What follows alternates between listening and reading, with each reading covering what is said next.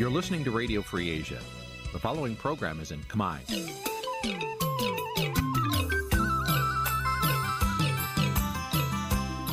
នេះជាកម្មវិធីផ្សាយ Vuthu Azizi Serai នេះជាកម្មវិធីផ្សាយរបស់ Vuthu Azizi Serai ជាភាសាខ្មែរ Vuthu Azizi Serai សូមស្វាគមន៍លោកអ្នកនាងទាំងអស់ពីរដ្ឋធានី Washington នៃសហរដ្ឋអាមេរិក បាទខ្ញុំបាទថាថៃពីទីក្រុង Melbourne ប្រទេសអូស្ត្រាលីសូមជម្រាបសួរលោកនាងដែលកំពុងតាមដានការផ្សាយផ្ទាល់របស់ Vuthu Azizi Serai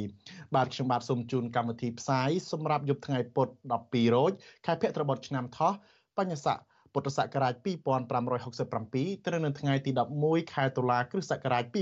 2023បាទជាដំបូងនេះសូមអញ្ជើញលោកនាងស្ដាប់ព័ត៌មានប្រចាំថ្ងៃដែលមានមេត្តាដូចតទៅ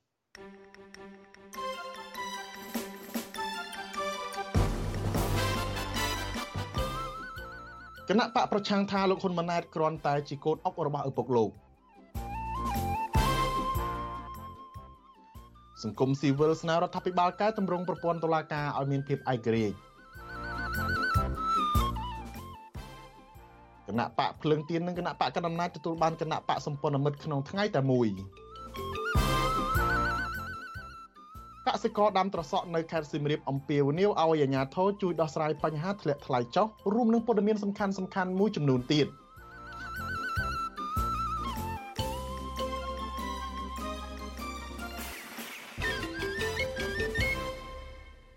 បាទជាបន្តទៅនេះខ្ញុំបាទថាថៃសូមជូនព័ត៌មានពិស្ដាដូចតទៅ បាទលោកនាងជាទីមេត្រីគណៈបកភ្លើងទៀននិងគណៈបកក្រៅរដ្ឋាភិបាល3ទៀតបានប្រកាសចងសម្ព័ន្ធភាពជាមួយគ្នាដើម្បីបង្រួបបង្រួមកម្លាំងអ្នកប្រជាធិបតេយ្យទន្ទឹមគ្នានេះ គណៈបកនយោបាយជាង10ទៀតក៏បានប្រកាសចងសម្ព័ន្ធភាពជាមួយនឹងគណៈបកកណ្ដាលអំណាចរបស់លោកហ៊ុនសែនដែរបាទលោកនាងនឹងបានស្ដាប់សេចក្តីរាយការណ៍នេះពឹស្ដារនៅពេលបន្តិចទៀតហើយបន្ទាប់ពីសេចក្តីរាយការណ៍នេះខ្ញុំបាទក៏នឹងមានបទសម្ភាសន៍មួយជាមួយនឹងមន្ត្រីគណៈបកភ្លើងទៀនតាក់ទងទៅនឹងការចងសម្ព័ន្ធភាពនេះបាទសូមលោកនាងរងចាំស្ដាប់បទសម្ភាសន៍នេះនៅពេលបន្តិចទៀតបាទ កម្មវិធី Vithu Azizi ស្រីសម្រាប់ទូរស័ព្ទដៃអាចឲ្យលោកអ្នកនាង អានអត្ថបទទស្សនាវីដេអូនិងស្ដាប់ការផ្សាយផ្ទាល់ដោយឥតគិតថ្លៃនិងដោយគ្មានការរំខានដើម្បីអាននិងទស្សនាមេតិការថ្មីថ្មីពី Vithu Azizi សេរីលោកអ្នកនាងគ្រាន់តែចុចបាល់កម្មវិធីរបស់ Vithu Azizi សេរី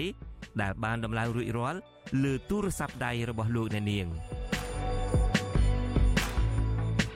ប្រសិនបើលោកអ្នកនាងចង់ស្ដាប់ការផ្សាយផ្ទាល់ឬការផ្សាយចាស់ចាស់សូមចុចលើប៊ូតុងរូប Vithu ដែលស្ថិតនៅផ្នែកខាងក្រោមនៃកម្មវិធីជាការស្រេច។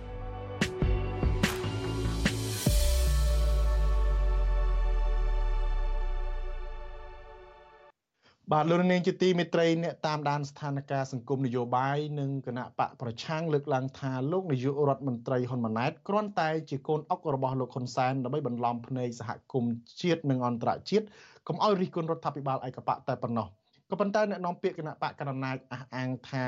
លោកហ៊ុនសែនចេញមុខអន្តរាគមជំនួសរដ្ឋាភិបាល គឺជារឿងត្រឹមត្រូវបាទសូមស្ដាប់សេចក្តីរាយការណ៍របស់លោកទីនសការីយ៉ាដូចតទៅអ្នកតាមដានស្ថានភាពសង្គមនិងមន្ត្រីគណៈបកប្រឆាំង រិះគន់ថាលោកហ៊ុនសែនធ្វើបែបនេះនឹងធ្វើឲ្យអត្តពលកូនប្រុសរបស់លោកចុះខ្សោយនៅថ្ងៃអនាគតអ្នកសិក្សាផ្នែកច្បាប់និងជាអ្នកតាមដានពីស្ថានភាពសង្គមនិងនយោបាយលោកវ៉ុនចាន់ឡូតប្រាប់វិទ្យុអាស៊ីសេរីនៅថ្ងៃទី11ដុល្លារថាអតីតនាយករដ្ឋមន្ត្រីលោកហ៊ុនសែនចេញមុខណែនាំជំនួសលោកហ៊ុនម៉ាណែតដោយសារតែលោកមិនទុកចិត្តកូនប្រុសច្បងដែលកាន់តំណែងនាយករដ្ឋមន្ត្រីតក់ក្រហល់ពេកលោកបន្តថាបើទោះបីជាមានការផ្លាស់ប្ដូរអ្នកបន្តវេនក្នុងជួរគណៈបកកណ្ដាលអំណាចក្តី ក៏ប៉ុន្តែមន្ត្រីចាស់ចាស់របស់រដ្ឋាភិបាល នៅតែមានឥទ្ធិពលលើការដឹកនាំប្រទេសដដែលទោះជាយ៉ាងណាលោកបញ្ជាក់ថាការចេញមុខអាកាត់ជំនួសរដ្ឋាភិបាលបែបនេះជារឿងមិនត្រឹមត្រូវនោះឡើយការដឹកនាំសពថ្ងៃសម្រាប់ប្រទេសកម្ពុជា គឺកំពុងតែបែបង្វែរក្បាលដឹកនាំបែបបកនិយមឬយើងហៅថាបកគេហៅរដ្ឋបកមានន័យថាបកគឺជាតំណាងរបស់រដ្ឋនឹងបាទចំណែកឯមន្ត្រីគណៈបកសង្គ្រោះជាតិដែលកំពុងតែភៀសខ្លួននៅក្រៅប្រទេស លោកមេងសុធិរាមើលឃើញថាលោកនាយរដ្ឋមន្ត្រីហ៊ុនម៉ាណែតគ្រាន់តែជាកូនជឹងរបស់លោកហ៊ុនសែនដើម្បីបន្លំភ្នែកសហគមន៍ជាតិនិងអន្តរជាតិតែប៉ុណ្ណោះការធ្វើដូច្នេះដើម្បីកាត់បន្ថយការរិះគន់រដ្ឋាភិបាលឯកប កចចឹងអំណាចដែលដឹកនាំប្រទេសរាល់ថ្ងៃគឺมันអាចចេញផុតពីកន្លងដឹកនាំរបស់លោកហ៊ុនសែនបានទេហើយសង្ឃឹមថាបែងប្រទេសកម្ពុជាយើងអាចស្ដារមុខមាត់អីឡើងវិញគឺទៅមិនរួចទេវានៅគំនិតរបស់លោកហ៊ុនសែនលោកហ៊ុនសែននៅតែធ្វើការងារនឹងជំនួសលោកហ៊ុនម៉ាណែតអ្វីត្បិតលោកហ៊ុនម៉ាណែតមានឈ្មោះជានាយករដ្ឋមន្ត្រីប៉ុន្តែកិច្ចការងារសពសារពើគឺលោកហ៊ុនសែនជាអ្នករៀបចំទាំងស្រុងបាទប្រតិកម្មរបស់អ្នកតាមដានស្ថានភាពសង្គមនិងមន្ត្រីគណៈបកប្រឆាំងនេះ ដោយសារតែលោកហ៊ុនសែនបានចេញមុខអាកាត់ជំនួសនាយករដ្ឋមន្ត្រីយ៉ាងហោចណាស់ចំនួន3ដងហើយចាប់តាំងពីលោកហ៊ុនម៉ាណែតបានឡើងកាន់អំណាចមក លើកចុងក្រោយគឺកាលពីថ្ងៃទី9ដុល្លារលោកហ៊ុនសែនបានថ្លែងពាក់ព័ន្ធនឹងបញ្ហាថាតើកម្ពុជាគួរឬក៏មិនគួរជំលះប្រជាពលរដ្ឋចេញពីប្រទេសអ៊ីស្រាអែល ក្នុងករណីដែលរដ្ឋាភិបាលអ៊ីស្រាអែលថាចាំបាច់ត្រូវតែជំលះប្រជាពលរដ្ឋនិស្សិតកម្ពុជាចេញយើងកុំខ្លាចជាមួយនឹងការចំណាយប្រកាសជួលយន្តហោះពិសេសទៅដឹកនិស្សិតរបស់យើងជាង400នាក់ចាក់ចេញពីអ៊ីស្រាអែលប៉ុន្តែខ្ញុំមិនជឿថាអ៊ីស្រាអែលគាត់នឹងមានសំណូមពរបែបនេះចំពោះយើងនោះទេតើតើនឹងបញ្ហានេះអ្នកនាំពាក្យគណៈបកប្រជាជនកម្ពុជាលោកសុនអេសាន ប្រាប់វិទ្យុអាស៊ីសេរីថាកិច្ចអន្តរាគមន៍របស់លោកហ៊ុនសែននេះជារឿងត្រឹមត្រូវពីព្រោះលោកជាប្រធានគណៈបកប្រជាជនកម្ពុជា គោលនយោបាយរបស់គណៈបកប្រជាជនកម្ពុជាមិនមែនលោកធ្វើជំនួសរាជរដ្ឋាភិបាលនីតិកាលទី7នឹងទេ ក្នុងនាមលោកជាប្រធានគណៈបកប្រជាជនគឺគណៈបកប្រជាជនជាគណៈបកដឹកនាំ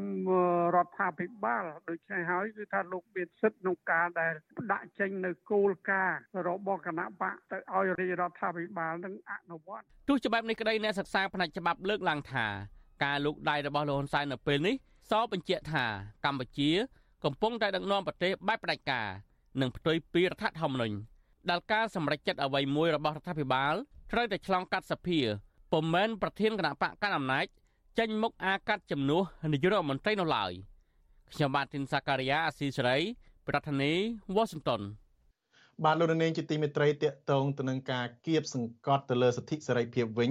អង្គការឃ្លាំមើលសេរីភាពពិភពលោក Freedom House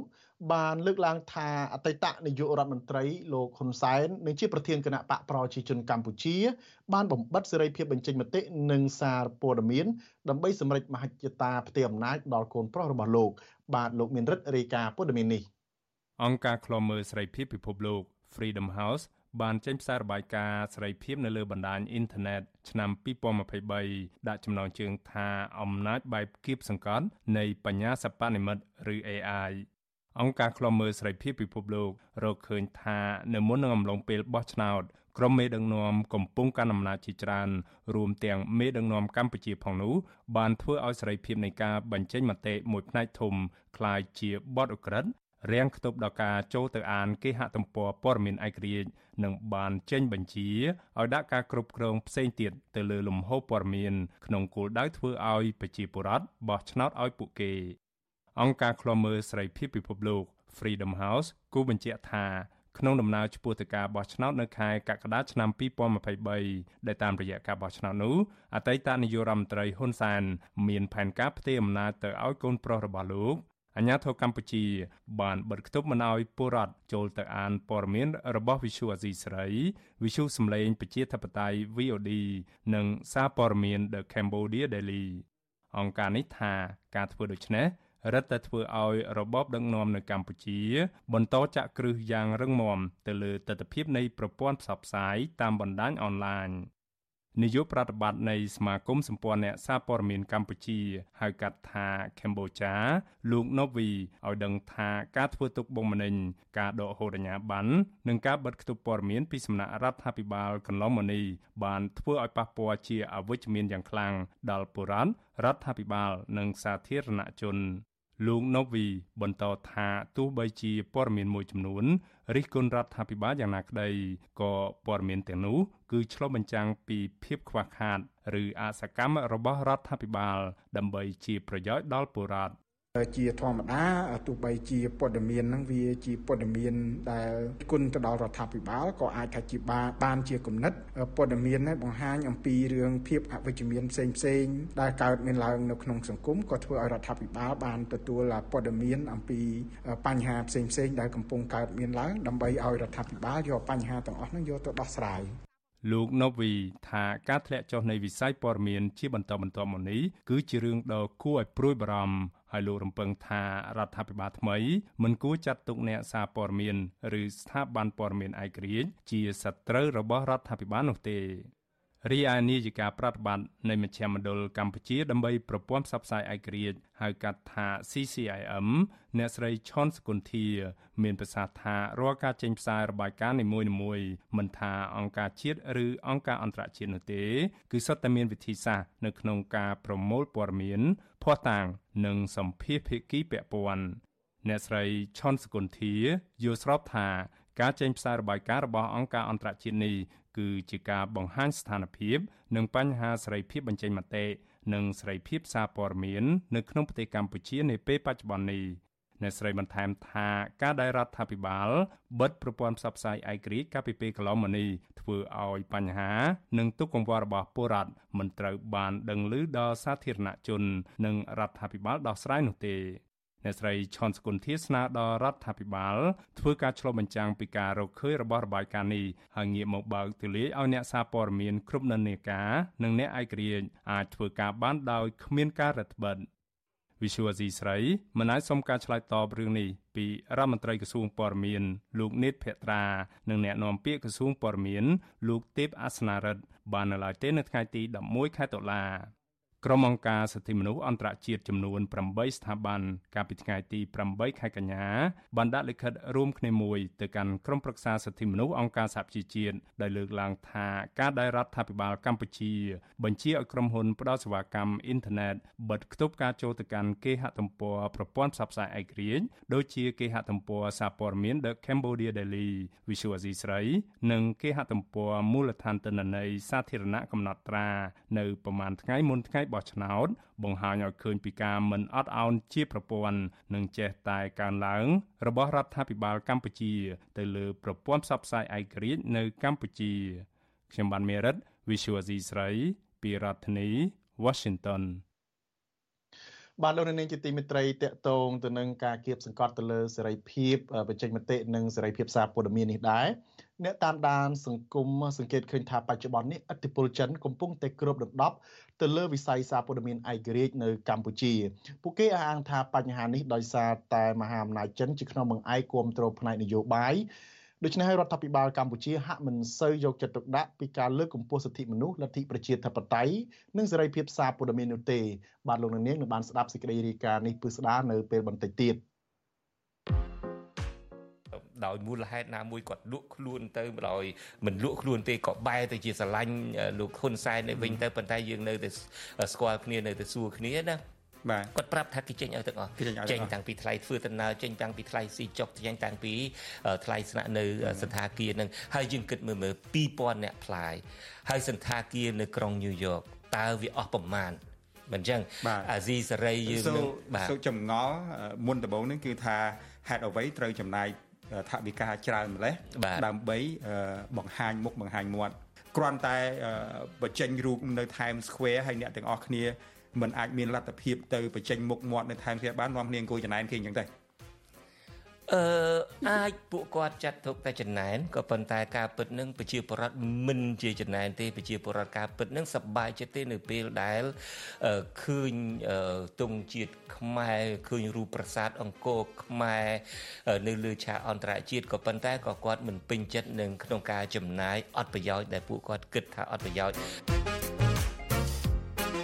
បាទលោកអ្នកនាងកញ្ញាជាទីមេត្រីប្រសិនបើលោកអ្នកនាងខកខានមិនបានស្ដាប់ឬក៏ទស្សនា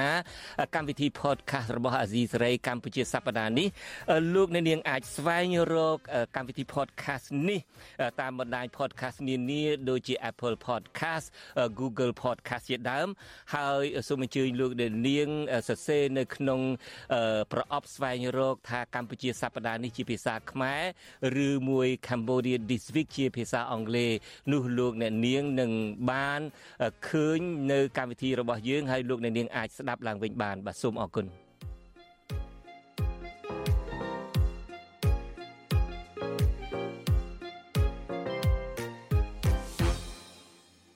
បាទបាទលោកនាងជាទីមេត្រីឥឡូវនេះយើងងាកមកតាមដានព្រឹត្តិការណ៍នយោបាយប្រចាំថ្ងៃនេះវិញម្ដង បាទគណៈបកភ្លឹងទៀននិងគណៈបកក្រៅរដ្ឋាភិបាល3ទៀតបានប្រកាសចងសម្ព័ន្ធភាពជាមួយគ្នាដើម្បីបង្រួបបង្រួមកម្លាំងអ្នកប្រជាធិបតេយ្យទន្ទឹមគ្នានេះគណៈបកកណ្ដាលអំណាចក៏បានប្រកាសចងសម្ព័ន្ធភាពជាមួយនឹងគណៈបកនយោបាយតូចតូចជាង10ទៀតដែរបាទសូមលោកនាងស្ដាប់សេចក្តីរាយការណ៍របស់លោកសេចបណ្ឌិតគណៈបកភ្លើងទៀនដែលជាគណៈបកប្រឆាំងចុងក្រោយនៅកម្ពុជា បានប្រកាសជាផ្លូវការចងសម្ព័ន្ធភាពជាមួយនឹងគណៈបកឆន្ទៈខ្មែរ គណៈបកប្រជាធិបតេយ្យមូលដ្ឋាន និងគណៈបកកែតម្រង់កម្ពុជាគណៈបកទាំង4នេះបានលើកឡើងថាមានតែការបង្រួបបង្រួមកម្លាំងនយោបាយប្រជាធិបតេយ្យទេទើបអាចជាចលករក្នុងការចូលរួមពង្រឹងនិងលើកស្ទួយនៅការគោរពសិទ្ធិមនុស្សសេរីភាព និងប្រជាធិបតេយ្យសេរីពហុបកសេចក្តីថ្លែងការណ៍របស់គណៈបកសម្ព័ន្ធមិត្តទាំង4ចុះថ្ងៃទី11ខែតុលាបន្តទៀតថា ការព្រមព្រៀងគ្នាបង្កើតសម្ព័ន្ធភាពឆ្ពោះទៅអនាគតនេះគឺស្របតាមមាត្រា37នៃច្បាប់ស្តីពីគណៈបកនយោបាយគណៈបកទាំងនោះរំពឹងដែរថាពួកគេនឹងក្លាយជាជំរើសរបស់ពលរដ្ឋនៅក្នុងការចូលរួមកសាងសង្គមប្រជាធិបតេយ្យយុត្តិធម៌សង្គមនិងការអភិវឌ្ឍជាតិជាដើមប្រធានស្ដីទីគណៈបកភ្លើងទៀនលោកសុកហាជថ្លែងក្នុងសន្និសីទសារព័ត៌មាននៅថ្ងៃទី11ខែតុលាថា តាមបទពិសោធន៍នៃការរួបរวมគ្នារបស់គណៈបកក្រៅរដ្ឋាភិបាលកន្លងមកពូលគឺការបញ្ចូលគ្នានៃគណៈបកសិទ្ធិមនុស្សនិងគណៈបកសំរងស៊ីដែលបង្កើតបានជាគណៈបកសង្គ្រោះជាតិគឺធ្វើឲ្យគណៈបកសង្គ្រោះជាតិទទួលបានការគ្រប់គ្រងពីប្រជាពលរដ្ឋហួសពីការរំពឹងទុកពីពលរដ្ឋម្ចាស់ឆ្នោតលោករំពឹងថាសម្ព័ន្ធភាពរបស់គណៈបកនយោបាយទាំង4នៅពេលនេះគឺទទួលបានការគ្រប់គ្រងទ្វេដងពីពលរដ្ឋដូចគ្នា។ ទន្ទឹមគ្នានេះដែរលោកបន្តថាសម្ព័ន្ធភាពនេះគឺប្រឈមនឹងឧបសគ្គដែរប៉ុន្តែគណៈបកដៃគូត្រៀមខ្លួនដោះស្រាយបញ្ហាទាំងនោះដោយភាពឆ្លៀវវៃឧបសគ្គអាចមានប៉ុន្តែយើងបានគិតថាតើដំណោះស្រាយនៃឧបសគ្គហ្នឹងយើងត្រូវដោះរបៀបម៉េចហើយហើយការដោះរបៀបម៉េចហ្នឹងយើងស្ដាយយើងធ្វើក្នុងលក្ខណៈប្រជាធិបតេយ្យជាមួយគ្នាហ្នឹង ណាយើងមានគ្នា4នាក់ធ្វើឲ្យបានស្រស់ស្រួលគ្នា3នាក់ទៅម្នាក់ទៀតយើងទាញមកមកមិនឯកភាពក៏ធៀកយកមកហ្មងណា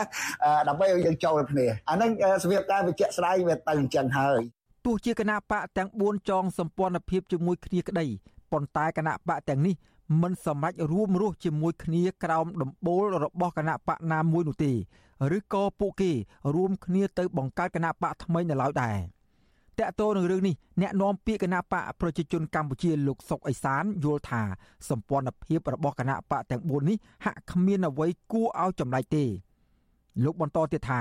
បើទោះជាគណៈបកទាំងនេះប្រកាសចងសម្ព័ន្ធនឹងគ្នាក្តីប៉ុន្តែពួកគេនៅតែរស់នៅផ្សេងគ្នាបែបនេះគឺជាការបង្ហាញថាសម្ព័ន្ធភាពមានតែសម្បកក្រៅប៉ុណ្ណោះ បើសិនណាជា4នឹងរំលាយចោលទាំង4នឹងឲ្យបង្កើតមួយណាយកឆ្អឹងគណៈបកទាំង4នឹងយកមកធ្វើជាគណៈបកមួយអានឹងវាប្លែកពីព្រោះថា4បញ្ចូលគ្នាហើយមកធ្វើតែមួយឯងគុំតែលើ4នៅតែ4ដដែលអត់មានអីប្លែកគណៈបកប្រជាជនអត់ចេះខ្វល់ខ្វាយអីប្រទេសប្រដាទេនៅពេលគណៈបកទាំង4នេះប្រកាសចងសម្ព័ន្ធភាពជាមួយគ្នា នៅខាងគណៈបកប្រជាជនកម្ពុជានោះ ក៏មានគណៈបកនយោបាយចំនួន13ដែលមិនសូវឃើញធ្វើសកម្មភាពនយោបាយក៏បានរួបរวมគ្នាជាកញ្ចប់ប្រកាសសុំចងសម្ព័ន្ធភាពជាមួយនឹងគណៈបកប្រជាជនកម្ពុជាដែរក្រៅពីនេះក៏មានគណៈបកមួយចំនួនទៀតក៏សូមចងសម្ព័ន្ធភាពជាមួយនឹងគណៈបកប្រជាជនកម្ពុជាជាបន្តបន្ទាប់ក្នុងថ្ងៃទី11ខែតុលានេះដែរ លោកហ៊ុនសែនប្រធានគណៈបកប្រជាជនកម្ពុជាក៏បានចេញសារស្វាគមន៍ការចូលរួមរបស់គណៈបកទាំងនោះជាមួយនឹងគណៈបកប្រជាជនកម្ពុជាផងដែរលោកហ៊ុនសែនថ្លែងថាគណៈបករបស់លោកមិនព្យាយាមត្រួតត្រាលើគណៈបកសម្ព័ន្ធមិត្តទាំងនោះទេ តែបានចាត់ទុកគណៈបកទាំងនោះថាជាដៃគូស្មើភាពគ្នា ប្រធានគណៈបកកណ្ដាលអំណាចរូបនេះអះអាងថាគណៈបករបស់លោកក៏មានតម្រូវការក្នុងការចងសម្ព័ន្ធភាពជាមួយនឹងគណៈបកទាំងនោះដែរក៏នឹងឈានទៅដល់ការចុះហត្ថលេខាលើវិធីសារឬកិច្ចព្រមព្រៀងសហប្រតិបត្តិការ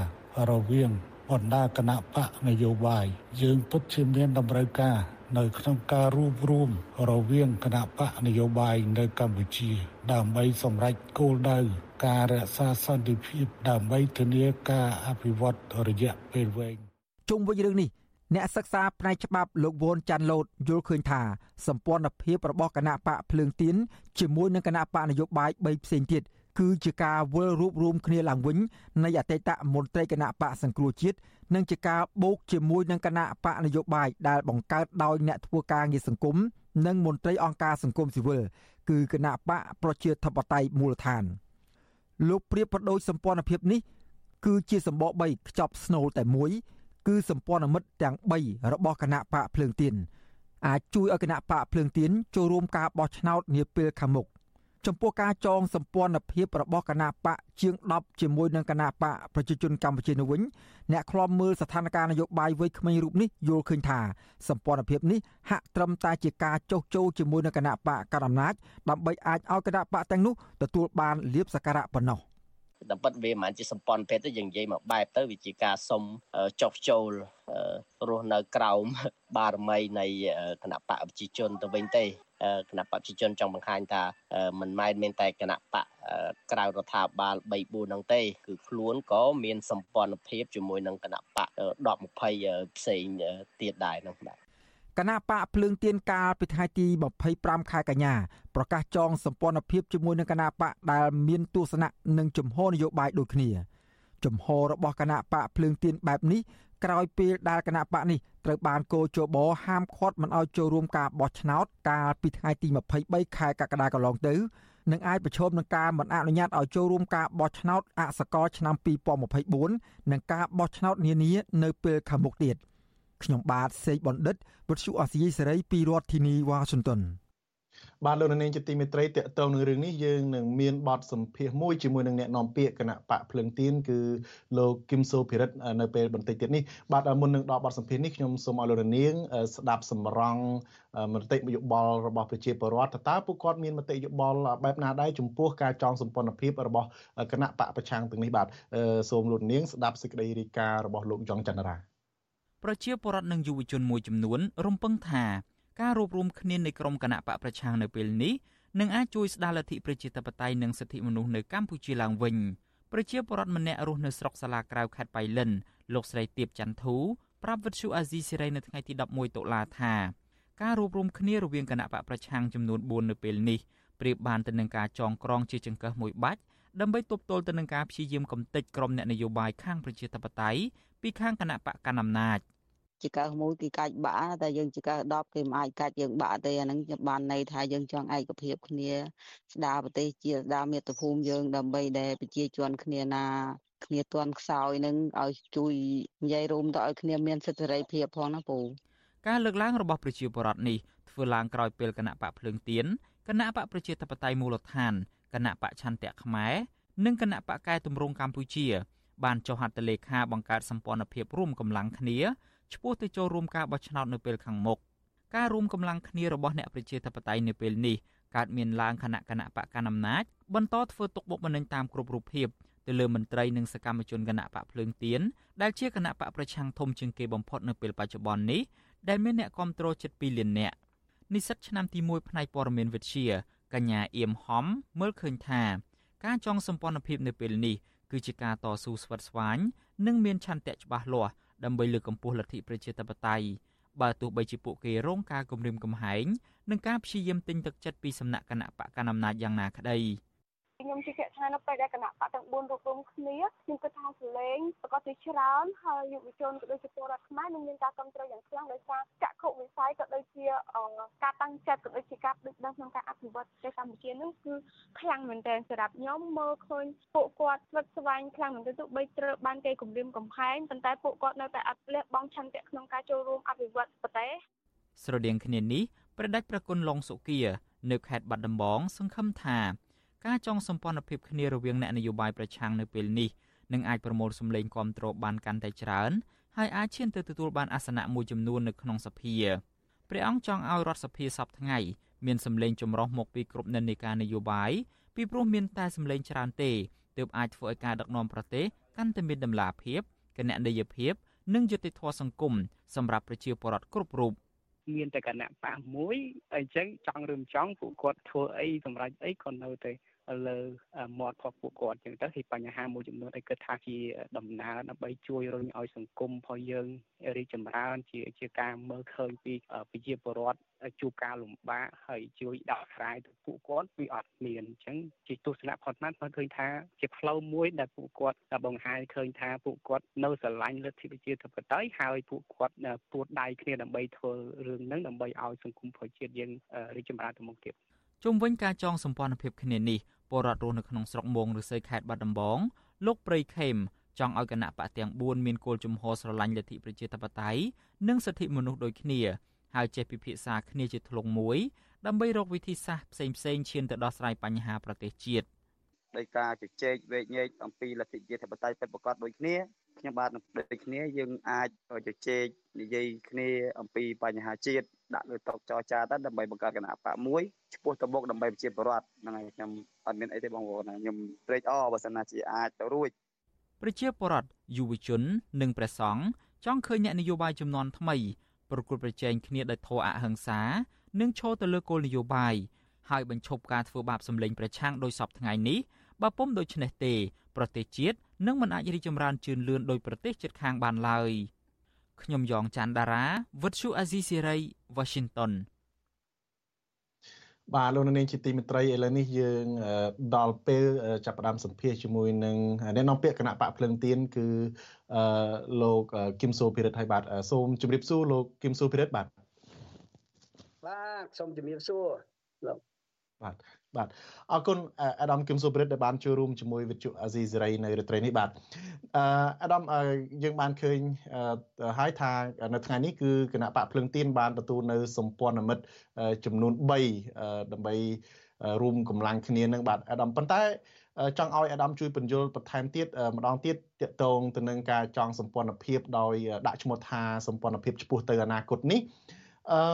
ជាការចងសម្ព័ន្ធបែបណាដែរអាចឲ្យគណៈបកភ្លើងទៀនមានឱកាសចូលរួមការបោះឆ្នោតអីបានទេអាដាមពីព្រោះថាគណៈបកភ្លើងទៀននឹងមកដល់ពេលនេះនៅមិនទាន់មានលិខិតស្នាមអីដើម្បីចូលរួមការបោះឆ្នោតផងទេបាទបាទអរគុណណាស់ហើយសូមជម្រាបសួរទៅបងប្អូនជនរួមជាតិដែលកំពុងតាមដានស្ដាប់វិទ្យុស៊ីសេរីការពិតការចងសម្ព័ន្ធភាពនេះគឺជាការចាប់ផ្ដើម ជំហានដំបូងក្នុងការធ្វើកិច្ចសហប្រតិបត្តិការគ្នារវាងគណៈបកទាំង4ដើមក្នុងការធ្វើសកម្មភាពឆ្ពោះទៅរកអនាគតដូចឈ្មោះបានដាក់អញ្ចឹងថាសម្ព័ន្ធភាពឆ្ពោះទៅអនាគតគឺយើងផ្ដោតទៅដល់ការបោះឆ្នោតក្រុមប្រឹក្សាឃុំសង្កាត់នៅឆ្នាំ2028ក៏ដូចជាការបោះឆ្នោតទូទៅថ្នាក់ជាតិនៅឆ្នាំ2027និងការបោះឆ្នោតជាតិឆ្នាំ2028អញ្ចឹងទេយើង បានគិតប្រមាណទុកឲ្យហើយទៅពីព្រោះអីអឺថៃបិទតែពេលវេលាវានៅវែងឆ្ងាយយើងត្រូវការធ្វើសកម្មភាពដើម្បីឈានទៅដល់ការសម្រេចជាលទ្ធផលចុងក្រោយដោយនៅគោលដៅដែលយើងបានរំពឹងទុក ចឹងទេគាត់ណាថាចាប់ដើមដំបូងនេះការចងសម្ព័ន្ធភាពគឺជាកិច្ចសហប្រតិបត្តិការមិនមែនជាការរួមរួមបាច់បញ្ចូលគ្នាទេពីព្រោះអីគណៈបកភ្លើងទៀនយល់ឃើញថាស្ថានភាពនយោបាយបច្ចុប្បន្នតម្រូវឲ្យយើងតែជាគណៈបកនយោបាយដែលមានគោលជំហរគោលនយោបាយប្រហាក់ប្រហែលគ្នាវាមិនដូចជាទាំងស្រុងទេត្រូវតែរួបរวมគ្នាធ្វើសកម្មភាពដើម្បីស្ដារលទ្ធិប្រជាធិបតេយ្យឡើងវិញពីព្រោះអីការភារកិច្ចស្ដារលទ្ធិប្រជាធិបតេយ្យមិនមែនជាភារកិច្ចផ្លាច់មុខរបស់គណៈបក ណាមួយទេហើយក៏មិនមែនជាភារកិច្ចដាច់មុខរបស់គណៈបកភ្លើងទៀនដែរគឺជាភារកិច្ចរបស់គណៈបកទាំងឡាយណាដែលគាត់ស្រឡាញ់គោលការណ៍លទ្ធិប្រជាធិបតេយ្យសេរីពិតប្រាកដហើយចូលរួមគ្នាធ្វើសកម្មភាពនោះបាទអាដាមអឺមិនទាន់បានច្បាច់បញ្ចូលគ្នានៅហើយគ្រាន់តែថាជាការចាប់ផ្ដើមដំបូងដើម្បីធ្វើកិច្ចសហការរួមគ្នានឹងដោយសារតែមានការជជែកមិនទាន់ត្រូវរើគ្នាគ្រប់ជ្រុងជ្រោយទេឬយ៉ាងម៉េចអាដាមជាការពិតហើយវាត្រូវការពេលវេលា យើងកន្លងមកយើងបានជជែកគ្នាមុនការបោះឆ្នោតអឺជាតិ2023កន្លងទៅក៏ប៉ុន្តែអ្វីក៏ដោយវាទាមទារឲ្យមានការអឺត្រូវការពេលវេលាដើម្បីជជែកគ្នាដើម្បីដោះស្រាយបញ្ហាដែលនៅសេសសល់បន្តិចបន្តួចហ្នឹងដើម្បីឈានទៅដល់គោលដៅរួមចុងក្រោយថាតើយើងត្រូវធ្វើរៀបម៉េចឲ្យស្របទៅតាម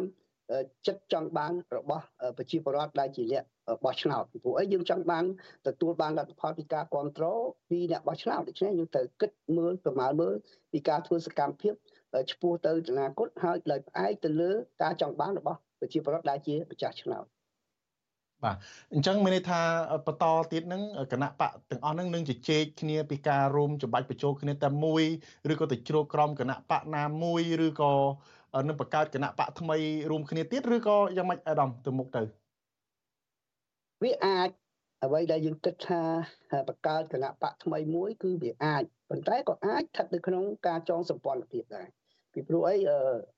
នៅក្នុងពិភពលោកការចងសម្ព័ន្ធភាពគ្នាមិនចាំបាច់លុះត្រាតែមានការចម្បាច់បញ្ចូលគ្នាបង្កើតគណៈបកតែមួយនោះទេគឺអាចនឹងធ្វើសម្ព័ន្ធភាពដោយការធ្វើសកម្មភាពរួមគ្នាឬក៏បែងចែកមណ្ឌលគ្នាក្នុងការ ធ្វើសកម្មភាពហើយឈរក្នុងភាពជាតំណាងឲ្យគណៈបកនយោបាយមួយមួយប៉ុន្តែគោលដៅតែមួយក្នុងការធ្វើកិច្ចការទៅថ្ងៃអនាគតជាគណៈបកជាគណៈបកសម្ព័ន្ធភាពដើម្បីគោលដៅតែមួយនឹងវាអាចមានតរភាពប៉ុន្តែវាស្ថិតនៅលើពេលវេលាការចង់បានរបស់អ្នកគ្រប់គ្រងហើយក៏វាស្ថិតនៅលើការជជែកគ្នារវាងគណៈបកនីមួយៗដែរចង់បញ្ជាក់ប្រាប់ថាវាមិនមែនតែ4ទេ វាអាចនឹងមានគណៈបកមួយចំនួនទៀតដែល3 4ទៀតដែលកំពុងតែជជែកគ្នាប៉ុន្តែមិនទាន់បានធ្វើជាសេចក្តីសម្រេចថាតើនឹងត្រូវបញ្ចូលនៅពេលណាត្រូវជជែកគ្នានៅពេលណាទៀតពីព្រោះអីយើងអត់ចង់បានគណៈបកគឺសម្ព័ន្ធភាពមួយដែលនៅស្ងៀមឬក៏រួមទេគឺថាសម្ព័ន្ធភាពនេះត្រូវការបរិថែមទៀតហើយថ្មីថ្មីខ្ញុំឃើញថាខាងគណៈបកមួយចំនួនក៏គេចាប់ដើមចងសម្ព័ន្ធភាពដូចយើងទៅជាមួយ គណៈបកកណ្ដាលអំណាចដែរហើយខ្ញុំសប្បាយចិត្តដោយសារអីដោយសារវាធ្វើឲ្យងាយស្រួលដល់អ្នកបោះឆ្នោតដែលធ្វើការសម្រេចចិត្តកុំឲ្យគាត់សពិចសពិលវាមានតែពីរច្បាស់ចឹងទៅថាឲ្យសប្រកាសជាសហើយខ្មៅប្រកាសជាខ្មៅកុំឲ្យមានប្រភេទចឹងទៅពេលខាងមុខខ្ញុំជឿថាការប្រកួតប្រជែងគ្នា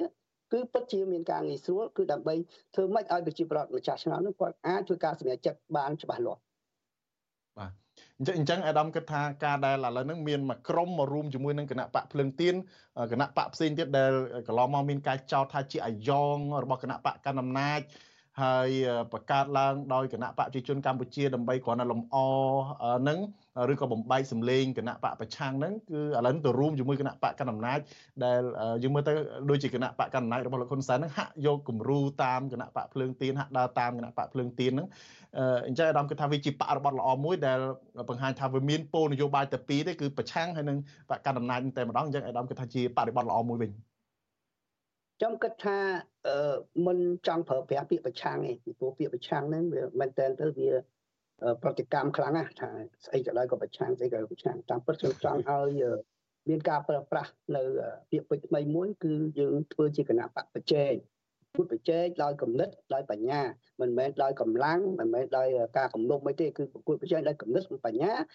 ក្នុងការធ្វើសកម្មភាពស្របច្បាប់តាមដែលមានជាធរមាន ដើម្បី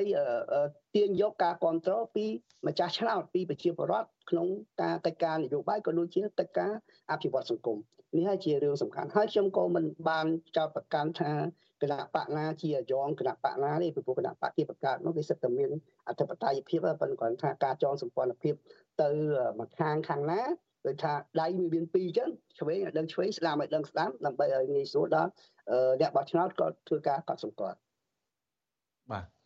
បាទអាដាមអឺតកតងទៅនឹងការធ្វើកិច្ចការងាររួមគ្នាដំបូងនៃសម្ព័ន្ធភាពឆ្ពោះទៅអនាគតនេះអាដាម អឺគោលដៅហ្នឹងគឺថាដើម្បីរួមគ្នាតស៊ូមតិរួមគ្នាជំរុញឬក៏លើកកម្ពស់ឲ្យមានប្រជាធិបតេយ្យសិទ្ធិមនុស្សការអភិវឌ្ឍសង្គមហ្នឹងឲ្យបានត្រឹមត្រូវជាដើមថាតើធ្វើបែបណាដែរអាដាមរួមគ្នាបែបណាធ្វើសកម្មភាពបែបណាដែរអាដាមដើម្បីឲ្យវាជំរុញឲ្យមានដំណើរការប្រជាធិបតេយ្យនិងការគោរពសិទ្ធិមនុស្សឡើងវិញនោះបាទក្នុងពេលដែលកំពុងមានការប្រក្រាបយ៉ាងតឹងតែងពីខាងបកកណ្ដាលអំណាចនោះបាទ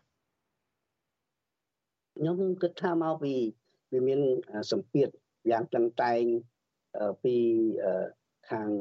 អ្នកកាន់អំណាចហ្នឹងហើយបានធ្វើឲ្យគណៈបកដែលជាគូប្រកួតប្រជែងហ្នឹងអឺ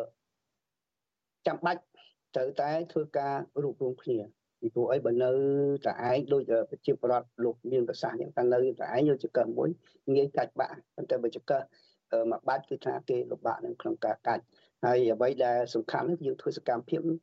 បន្ទាប់ពីយើងចងសម្ព័ន្ធភាពទៅយើងក៏បានគិតគូរដែរថាតើយើងទៅចុះទៅជួបអឺស្នាក់ដឹកនាំគណៈបកភ្លើងទៀនមួយចំនួននៅមូលដ្ឋានដើម្បីជម្រាបប្រាប់គាត់ថាកិច្ចការសម្ព័ន្ធភាពនឹងទៅធ្វើអីខ្លះហើយយើងនឹងជួបគ្នាទៅចែកគ្នាពីការងាររបស់គណៈបកសម្ព័ន្ធនឹងទៅធ្វើអីទៀតទៅថ្ងៃអនាគតហើយក៏គិតគ្នាអំពីការរីរកមធ្យោបាយនិងគំនិត បញ្ញាមួយចំនួនដើម្បីផ្ដល់ជូនទៅអ្នកដឹកនាំទៅរដ្ឋាភិបាលបច្ចុប្បន្នហ្នឹងអំពីក្នុងការគ្រប់គ្រងនិងការដឹកនាំទាំងផ្នែកសេដ្ឋកិច្ចទាំងផ្នែកនយោបាយក៏ដូចជាផ្នែកលើកស្ទួយសេរីភាពរបស់ប្រជាពលរដ្ឋនៅក្នុងប្រទេសដែលប្រកាន់លទ្ធិប្រជាធិបតេយ្យពិតប្រាកដនោះជារឿងសំខាន់ បាទបាទអដាមអឺ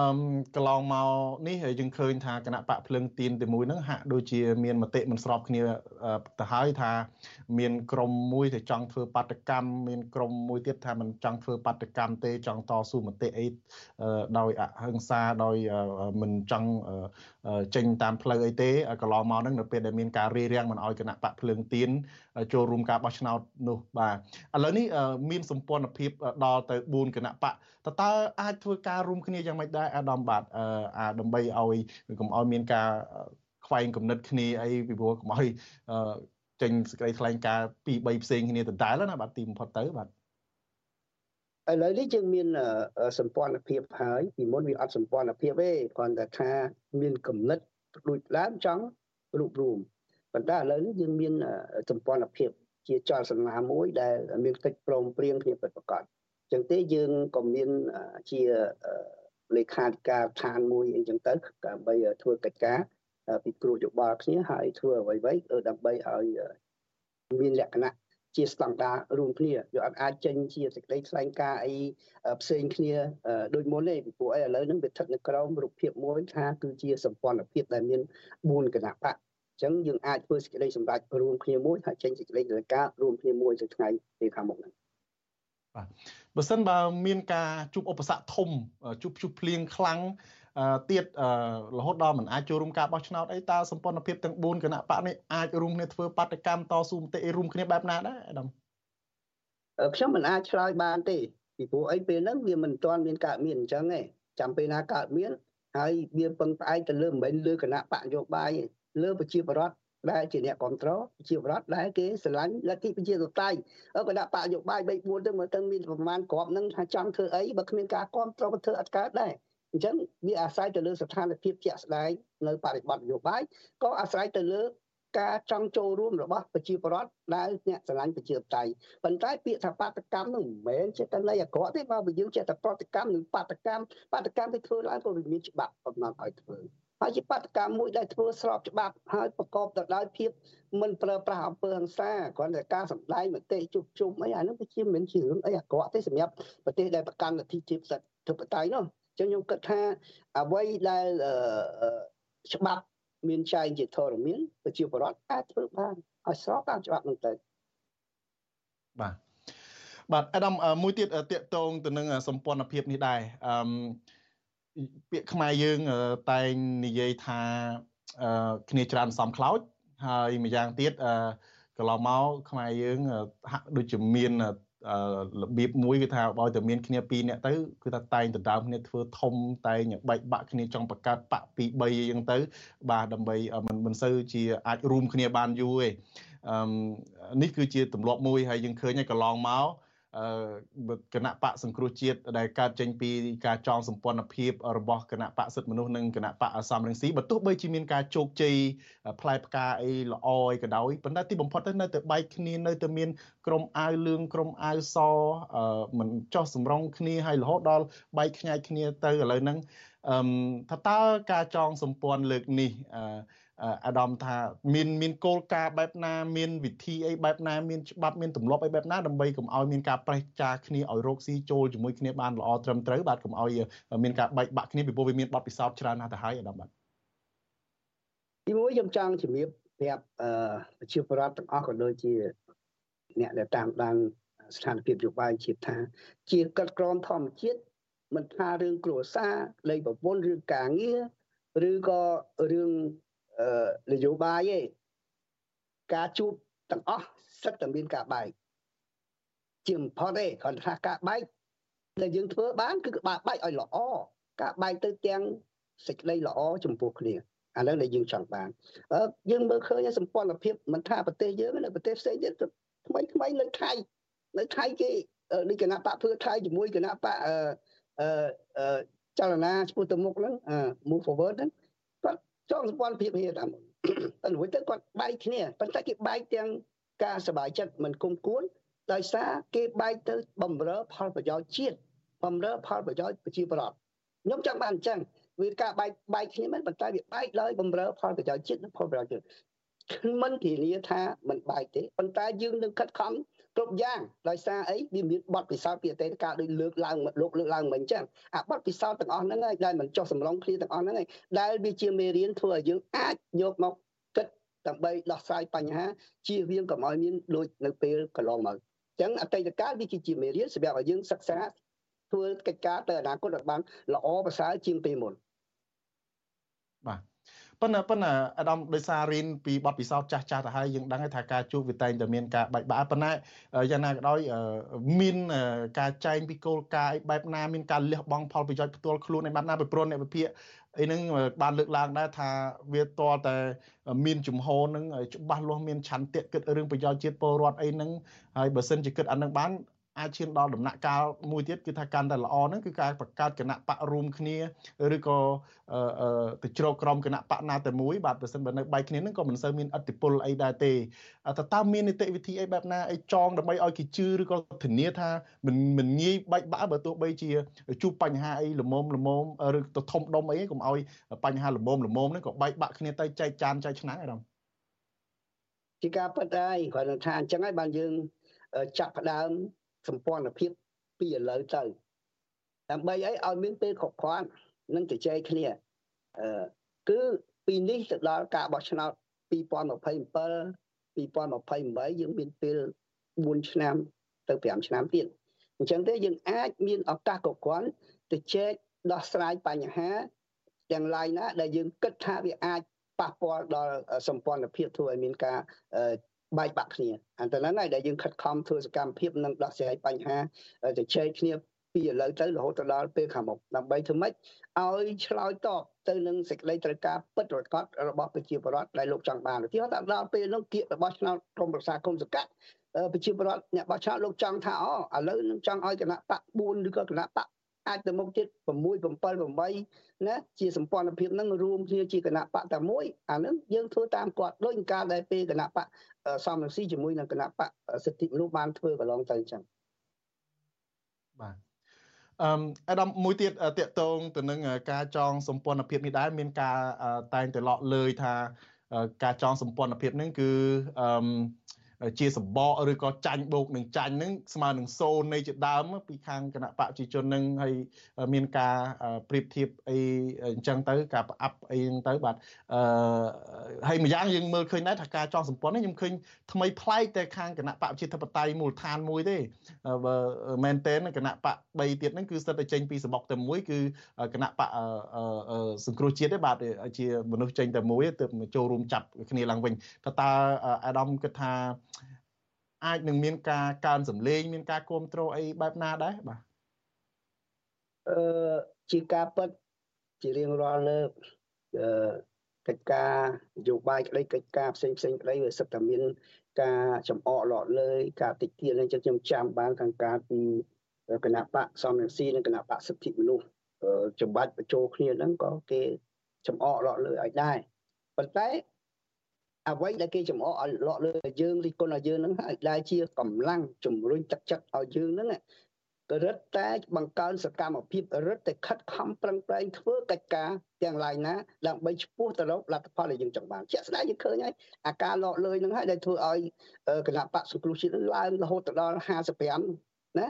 55កៅអីហ្នឹងគឺគឺដោយសារតែការលោកលើដោយសារតែការរិះគន់ហ្នឹងហើយដែលធ្វើឲ្យមានកម្លាំងជំរុញទឹកចិត្តហើយខ្ញុំគិតថា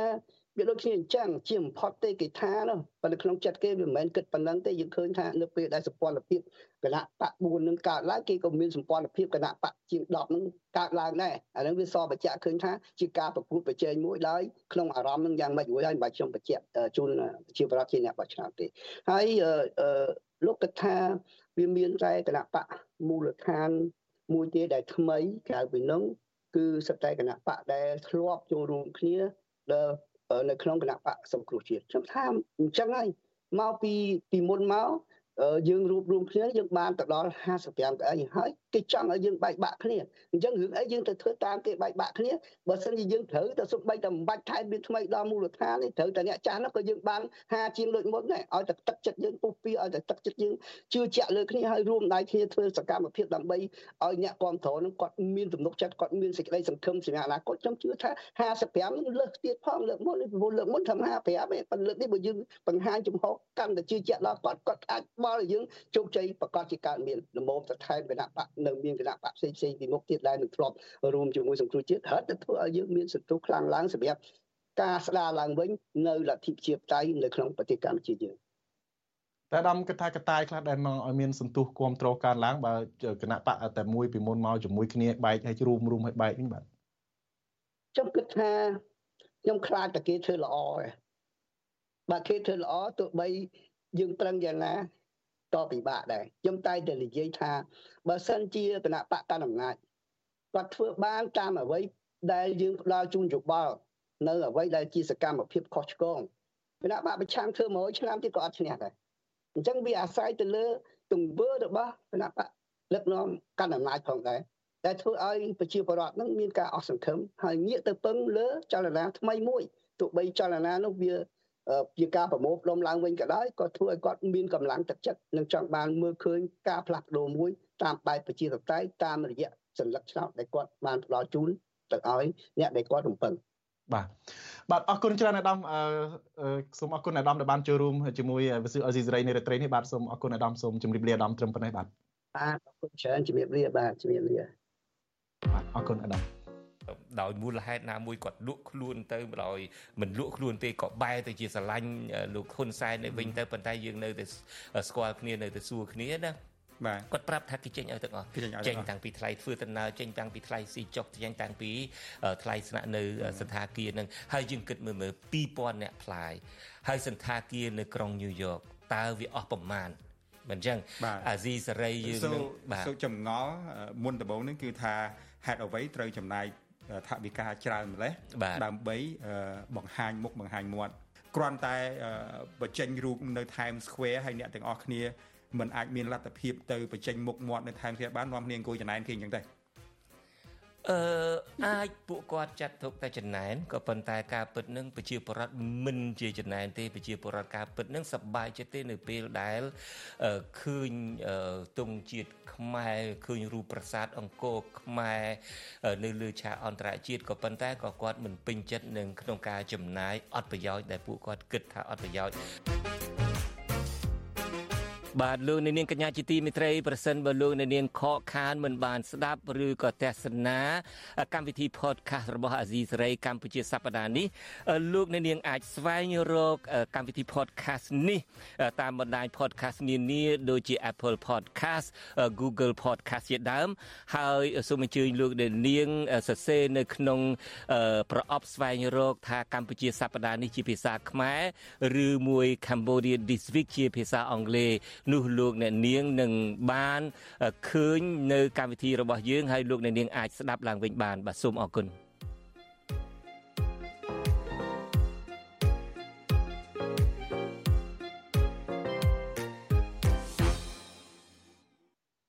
បាទលោកនាងជាទីមេត្រី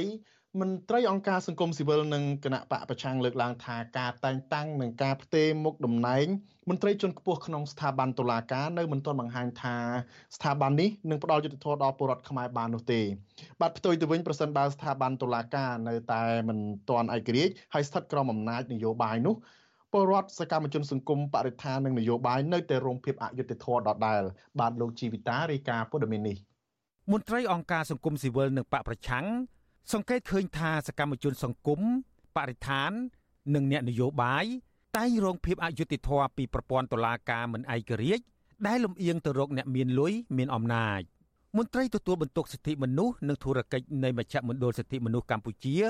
លោកវ៉ាន់សុផាតប្រាប់វិទ្យុអាស៊ីសេរីនៅថ្ងៃទី11តុលាថាលោកនៅមិនទាន់មានសង្ឃឹមថាមន្ត្រីជាន់ខ្ពស់ក្នុងស្ថាប័នតុលាការ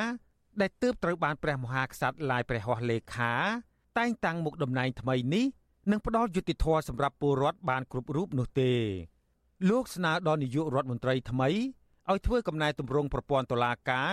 ដើម្បីឲ្យស្ថាប័នមួយនេះឯករាជ្យស្របពេលរដ្ឋាភិបាលកំពុងព្យាយាមធ្វើកំណែទម្រង់វិស័យជាច្រើនទៀតនៅកម្ពុជាអំ ណាចតាមស្មារតីរបស់រដ្ឋធម្មនុញ្ញនៃព្រះរាជាណាចក្រកម្ពុជាគឺអំណាចទាំង3ត្រូវតែឯករាជ្យបាទគឺអំណាចនីតិបញ្ញត្តិនីតិប្រតិបត្តិនិងតុលាការប៉ុន្តែបើអំណាចទាំងអស់ហ្នឹងមិនឯករាជ្យពីគ្នាទេឃើញថាកំណែតម្រង់ប្រព័ន្ធតុលាការឬកំណែតម្រង់ប្រព័ន្ធស្ថាប័នគ្រប់គ្រងរដ្ឋផ្សេងផ្សេងទៀតហ្នឹងគឺថាពិបាកក្នុងការធ្វើកំណែតម្រង់ឲ្យមានភាពប្រសើរឡើង